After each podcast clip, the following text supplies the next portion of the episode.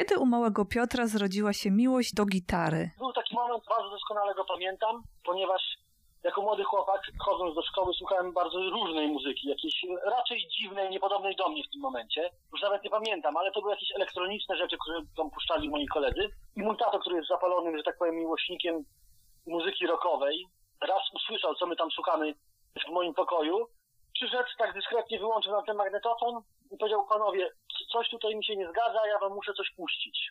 Zobaczycie, czy wam się spodoba. Zabrał wszystkich moich kolegów razem ze mną do dużego pokoju do salonu i na swoim sprzęcie, takim porządnym hi-fi, puścił nam płytę Led Zeppelinów i zaczęło się od utworu Kaszmir. Ja pamiętam wtedy, że wszyscy moi koledzy następnego dnia już, już chodzili w granach, no ale odmienił nam się światopogląd muzyczny i mnie wtedy zafascynowała ta gitara. Jak ja usłyszałem ten riff z tego utworu Kaszmir, to do, do tej pory jak o tym myślę, to mam gęsią skórkę.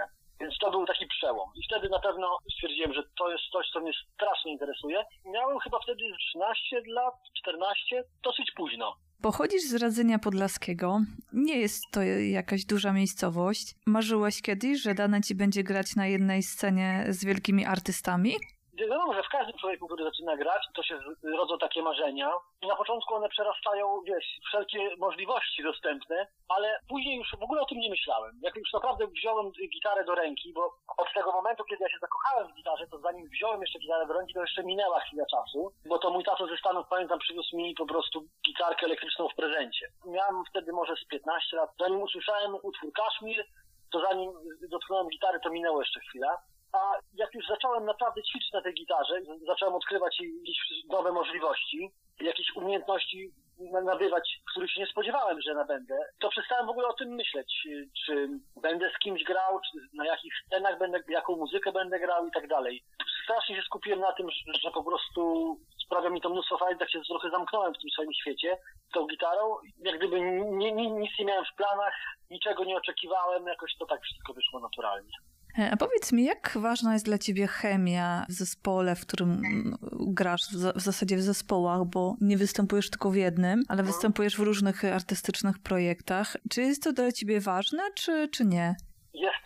Z jakiegoś dłuższego czasu jest to dla mnie najważniejsze, bo wiadomo, że człowiek szkoli się na muzyka sesyjnego na początku, jak chce być dobrym instrumentalistą, prawda, to naturalnie wychodzi, że staje się człowiek muzykiem sesyjnym, czyli takim muzykiem do wynajęcia, ponieważ ma jakiś warsztat, może zagrać trochę muzykę jazzową, może zagrać muzykę rockową i tak dalej. Jest brany do wielu zespołów i to troszeczkę nie sprzyja zespołowości w pewnym sensie. Ja na przykład coś takiego w sobie odkryłem, że w świecie muzyków to się nazywa jobowanie, że to już jest um, etap, w którym się nie myśli, z kim ja będę grał, tylko po prostu za ile będę grał. Wielu muzyków na pewno, a tym bardziej takich, którzy y, stawiają na warsztat muzyczny, dochodzi do takiego punktu, w którym dobra, to zagram to, zagram tamto, przecież umiem. To ważne, gdzie jest więcej, to tam pójdę, prawda? Ja na przykład u siebie, oczywiście nie, nie, nie byłem w jakimś zaawansowanym stanie, że tak powiem, tej historii, ale zauważyłem u siebie coś takiego, że przestałem o muzyce myśleć, tylko to się stało moim zawodem takim, gdyby wchodziłem do pracy, a nigdy tego nie chciałem, a jak zaczynałem grać na gitarze, to właśnie imponowało mi tych zespołów, bo tam przeczytałem parę biografii zespołowych, to jakie relacje zachodziły między nimi, jak te utwory się tworzyły, jak ta muzyka się tworzyła, że troszeczkę skręciłem w inną stronę, prawda, z tego jobowania tak zwanego. No niestety musiałem wybierać, prawda, bo czasami było tak, że trzeba było poświęcić się dla jakiegoś zespołu, że często musiałem odwołać koncert, żeby zagrać próbę, ale odwołałem koncert z zespołem, którym nie byłem związany, po prostu jako muzyk sesyjny, żeby zagrać próbę z zespołem, z którym byłem związany, prawda? Więc tak to się zaczęło zmieniać u mnie i doszedłem do tego, że relacje jednak między ludźmi w zespole są najważniejsze. Że z tego się tworzy muzyka, bo w dzisiejszym świecie jest tak, że nawet małe dzieci, młode dzieciaki przecież y, zerkając na YouTube'a potrafią w wieku 10 lat już być wirtuozami. Więc tym się nikomu nie zaimponuje, a zaimponuje się moim zdaniem jakąś wspólnie stworzoną rzeczą. Właśnie, wiesz, mi się wydaje, że to też czuć, jak się jest na koncertach, właśnie z tej drugiej strony, jako widz, że fajnie, jak widać chemię między muzykami, to na pewno widać i czuć, jak ludzie między sobą się dobrze dogadują i to jest też taka jakaś energia, która popłynie wtedy ze sceny tak. I, i to wszystko jakby o wiele lepiej brzmi. Tak, to na pewno ma ze sobą związek i naprawdę ja to odczuwam, że dużo lepiej mi się gra z ludźmi, z którymi jestem związany jakoś emocjonalnie. Bo wiadomo, że jeśli z człowiekiem wszystko w porządku, to raczej do każdego stara się podchodzić pozytywnie. Więc ja ze wszystkimi muzykami, z którymi gram, bardzo się lubię, ale jest coś takiego, że z niektórymi po prostu wchodzi się na ten level wyżej, że ta przyjaźń to już jest troszeczkę rodzina. Wiesz o czym mówię, nie? Wychodzimy na scenie tak jakbym wychodził po prostu na przyjęcie z rodziną w pewnym sensie, nie? Na pewno wytworzymy jakąś dobrą energię raczej. Lepiej nam się gra, lepiej nam się współbrzmi. Na pewno to ma ogromny wpływ na jakość koncertu, na jakość odbioru i tak dalej. Czy według ciebie jest w ogóle granica pomiędzy artyzmem a robieniem muzyki stricte komercyjnej? Czy to są światy, które da się połączyć, czy się raczej wzajemnie wykluczają? Uważam, że połączenie tego to już jest tak zwany level master. I to robi wiele osób. Moim zdaniem na przykład Dawid Podsiadło, ja jestem jego fanem, łączy muzykę komercyjną z artystyczną. Po prostu zrobił z muzyki popularnej coś, co jest jakościowe, co jest po prostu sztuką. Tak samo teraz jest taka młoda wokalistka Sana. Mhm. To jest muzyka popularna, muzyka pop, ale jak ja to na przykład włączam, to mam ciarki. I uważam, że to jest połączenie właśnie artyzmu z muzyką komercyjną stricte. Na pewno da się to zrobić. Nie jest ale da się to zrobić. Też zauważam w stacjach radiowych, tych takich bardzo komercyjnych, że też zaczynają muzykę e, trochę inną puszczać w radiu. Tak jak wspomniałeś o Sanach. Mi się bardzo podoba, że idzie z tym taka jakość, że, że też się zwraca uwagę na tekst, na muzykę i że to idzie w takim fajnym, dobrym kierunku, że ta muzyka może i nieść przesłanie i jednocześnie być też taką radością dla odbiorców. I cieszę się tak. bardzo, że to w takim kierunku idzie. Jak byłem na studiach muzycznych, to miałem taki rok, gdzie dużo bardzo czasu spędziłem w Hiszpanii. Konkretnie w, w Sewilli, w Andaluzji. I ja pamiętam tam, że nie było żadnej muzyki spoza Andaluzji. To już nawet nie mówię, że, że tylko była z Hiszpanii, ale w ogóle było praktycznie 90% muzyki andaluzyjskiej. Uważam, że to jest bardzo ważne. A na przykład właśnie tacy artyści jak Sanach, to są w 100% tak powiem, nosicielem polskości, bo ono nawet śpiewa w taki sposób, jakby troszeczkę kaszubski sposób śpiewania, troszeczkę bardzo ciekawy, niespotykany za granicą, tylko kojarzy mi się z naszym krajem, wiesz o co chodzi, że to jest tak gdyby zakorzenione w naszej kulturze.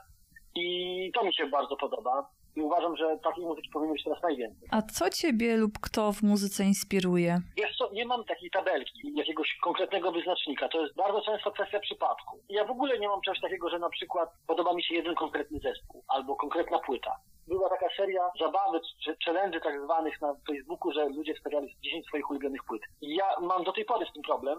Ciężko mi jest je zlokalizować, ponieważ ja nie mam ulubionych płyt, tylko mam utwory ulubione. Wychowałem się na muzyce Dire Straits między innymi. Nie wiem, mam 10 swoich ulubionych płyt z Dire Straits powiedzmy, ale tam dwa, trzy, cztery utwory max na każdej płycie są, a reszty na przykład po prostu nie lubię. Nie lubię ich słuchać. To jest kwestia przypadku, czym się inspiruję, bo jak y, po prostu coś mnie zaskoczy, coś mi się podoba i czasami w ogóle się nie spodziewam, a okazuje się, że dla mnie po silną inspiracją. Nasz wspólny znajomy, Leo Pik, kiedy zapytałam go o ciebie, powiedział mi, Piotrek to mega profesjonalista i skromny człowiek, za to go lubię. Czym jest dla ciebie profesjonalizm? To bardzo miłe w ogóle z jego strony, bo bardzo mu dziękuję. Wiesz co, mogę powiedzieć ze swoich obserwacji, bo wiadomo, że jeszcze bardzo długa droga przede mną, bo wiesz, jeszcze wiele lat doświadczenia i wydaje mi się, że z każdym tygodniem doświadczenia człowiek się uczy czegoś nowego. I do tej pory czego się nauczyłem, co według mnie jest profesjonalizm. Profesjonalizmem jest między innymi to, żeby zawsze odbierać telefon od znajomych, muzyków, prawda? Jeśli ktoś dzwoni z jakąś sprawą, to jest bardzo często na przykład w naszej branży, że chce się człowiek do kogoś dodzwonić, bo ma sprawę, na przykład, nie wiem, ktoś mi ma nagrać perkusję i dzwonię do kogoś, dzwonię, dzwonię, dzwonię, nie mogę się dodzwonić, bo ktoś ma na przykład jakąś obsługę i zamiast zabrać telefon do, ode mnie powiedzieć, słuchaj, mam obsługę, co ja rozumiem, bo tworzenie muzyki to nie jest fabryka gwoździ i nie, nie da się tego po prostu zrobić. Można mieć obsługę i miesięczną, bo na przykład nie miało się pomysłu na coś, prawda? Oznaką profesjonalizmu jest traktowanie swoich kolegów z zespołu poważnie. Uważam, że muzyk taki, który tworzy zespół, nie powinien reszty muzyków zespołu narazić na jakikolwiek stres. Czyli jakieś spóźnienia takie dosyć pokaźne, które mogą rzutować na jakość występu. To jest też dla mnie oznaką profesjonalizmu. Oczywiście przygotowanie. Teraz dużo bardzo spędzam czasu u siebie w studio i mam na przykład założone na nagranie piosenki powiedzmy 4 godziny. Myślę, to piosenka trwa 4 minuty, mam już jakiś pomysł na to, siadam z gitarą i powiedzmy, że w 4 godziny ją zrobię, myślę, że na pewno, no raczej w dwie, ale zadaję sobie 4. I oczywiście ja już po dwóch godzinach mam nagrane te gitary, ale siedzę dotąd, aż twierdzę, że no już nie zrobię tego lepiej, nie? Na pewno, już nie umiem lepiej. To wtedy wychodzi, że siedziałem 12 godzin, prawda? Profesjonalizm jest według mnie też dawanie z siebie wszystkiego, co można, czyli nie 100%, a 1500, jeśli jest taka możliwość, prawda? Bardzo często samo granie na instrumencie nie jest oznaką profesjonalizmu. Znam wielu muzyków, którzy fenomenalnie grają, a nie chciałbym z nimi pracować, bałbym się. Po prostu byłbym w stresie pewnym. Wydaje mi się, że na, na profesjonalizm składają się jakieś sprawy personalne, nie tylko muzyczne. Tak jak mówisz, to można chyba powiedzieć o tobie, że jesteś perfekcjonistą. A powiedz mi, w jaki sposób ty podchodzisz do błędów? Czy wkurzasz się, jak na przykład popełniasz błąd? Czy starasz się po prostu z tego błędu e, wyciągnąć jakąś naukę, lekcję dla siebie? No bo wiesz, no jesteśmy ludźmi i każdy popełnia te błędy i nie jesteśmy robotami. Jak ty sobie radzisz z tymi błędami? Błędami w sensie pomyłka na koncercie, czy błąd po roku jakiegoś działania popełniłem błąd, nie? Bo to dwa, dwie różne rzeczy. Jak gdyby, jeśli chodzi o pomyłki na koncertach, zmieniło się moje podejście do tego przede wszystkim. Kiedyś pamiętam, jak zdarzyła mi się taka rzecz, że coś pomyliłem, i to nawet często nie było słyszalne dla kogokolwiek, bo ja wiadomo, w odsłuchu mam tą gitarę dosyć głośno, tak więc ja się słyszę perfekcyjnie. Na przykład, gdyby w odczuciu słuchacza ta gitara nie jest tak się wyeksponowana, więc ja ten błąd przeżywałem bardzo długo. Pamiętam, że kiedyś grałem taki koncert, pracowanie jak gdyby fugi, tokaty Bacha na gitarze jako wstęp do koncertu. I świetlik postanowił, że na tym koncercie, nie na próbie, ale na koncercie właśnie odpali stroboskopy. Wszystkie chyba jakie miał. No i oczywiście to była totalna dekoncentracja, bo to jak jest odpalony stroboskop, to się wydaje jakby w ogóle klatki się zmieniały, a nie był rzeczywisty obraz, więc miałem tam omsknięcie paru dźwięków. Ja pamiętam, że jeszcze trzy miesiące później się budziłem i myślałem o tym, wiesz? To było takie podejście.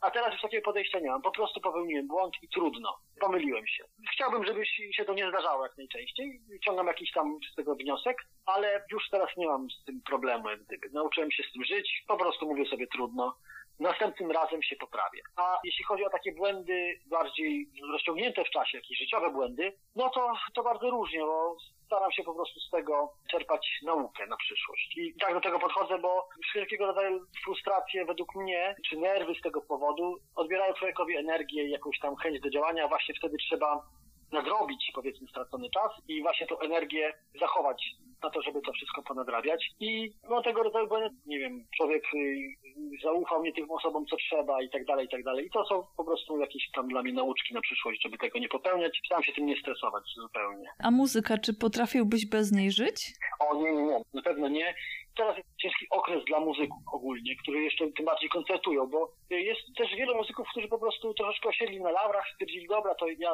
będę grał eventy, w jakichś zespołach coverowych, i to jest łatwiejsza droga, moim zdaniem. Szanuję oczywiście każdego, kto tą, tą drogę wybiera. Tylko po prostu ja wybrałem inną. Ja pozbyłem się wszelkich takich, yy, miejsc, w których grałem, po bardzo długich przemyśleniach. No i teraz y, akurat tą drogę, którą obrałem, to okazało się, że to jest właśnie najcięższa teraz droga dla muzyków koncertujących, bo akurat zacząłem grać ostatnio już same większe koncerty. Właśnie z Anią Karwan, z Renatą Przemyk rozpocząłem w tym roku współpracę już stałą i z Budką Suflera. I to są zazwyczaj koncerty duże, czyli takie, które na pewno szybko nie wrócą. I tak się zastanawiałem, co by tu robić, bo mam parę opcji, którymi mógłbym się zająć i jednak okazało się, że zająłem się muzyką. Po prostu teraz nagrywam. Trochę tak raczkuję jako producent, ale coraz lepiej mi idzie, mam nadzieję. No ale mam, że tak powiem, swoją pracownię ogarnąłem pod takie jak gdyby studio nagrań. Oczywiście jeszcze takie no, mało profesjonalne, ale to się wszystko będzie rozwijało. Zresztą teraz y, Billie Eilish dostała nagrodę Grammy chyba pięć nagród. Grammy za płytę nagraną w domu. Dzisiaj są takie czasy, że nie trzeba mieć nie wiadomo jakich warunków, a można naprawdę ciekawą muzykę zrobić.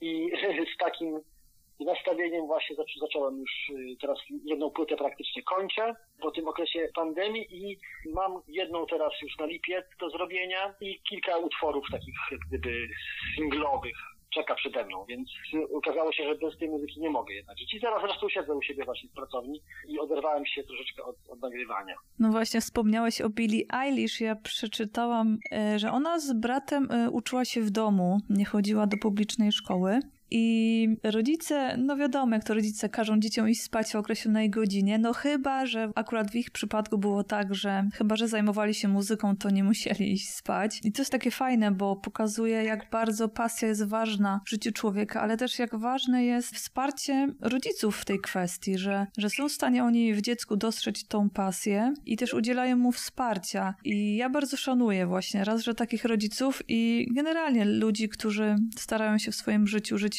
żyć pasją, bo myślę, że to nie jest łatwe. Często trzeba e, wybierać między jakimś racjonalizmem pewnego rodzaju, a jednak tą pasją, prawda?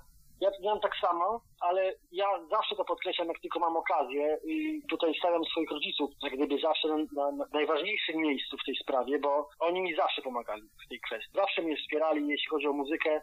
No tak jak mówię, mój tato przecież pojechał do Stanów do pracy i wrócił z gitarą dla mnie i ze wzmacniaczem jakimś gitarowym, żebym grał. Tak samo było ze szkołą muzyczną. Jak chciałem pójść do szkoły muzycznej dalej się uczyć i moi rodzice stanęli na głowie, siedli w samochód i pojechali do Lublina chociaż już było dawno po jak gdyby możliwości składania papierów do tej szkoły, już za dwa miesiące już nie można było składać, to oni pojechali i wyprosili dyrektora, żeby jednak uwzględnił, że moją kandydaturę do tej szkoły, bo ja chcę grać, nie? Zawsze mi pomagali w tej kwestii. Zresztą mój tato jest teraz takim największym wsparciem dla mnie muzycznym. Rozmawiamy ze sobą jak przyjaciele, tak samo z moją mamą. Mój tata dzwoni do mnie każdego dnia i pyta się, no co to, jak nagrałeś coś ciekawego, możesz mi coś przysłać? I tak jest dzień w dzień. A jak na przykład jest dzień, kiedy mówię, że a nic nie robiłem muzycznie, no synu, no ale to wiesz, bo ja to czekam cały czas, jak ty mi coś podeślesz, to od razu mam lepszy dzień. I, i tak, tak jest zawsze, nawet rozmowy o sprzęcie gitarowym, przecież jak ja tam sobie kupuję nowego, to mój ojciec jest na, najbardziej zainteresowany w tej kwestii, nawet czasami bardziej niż ja.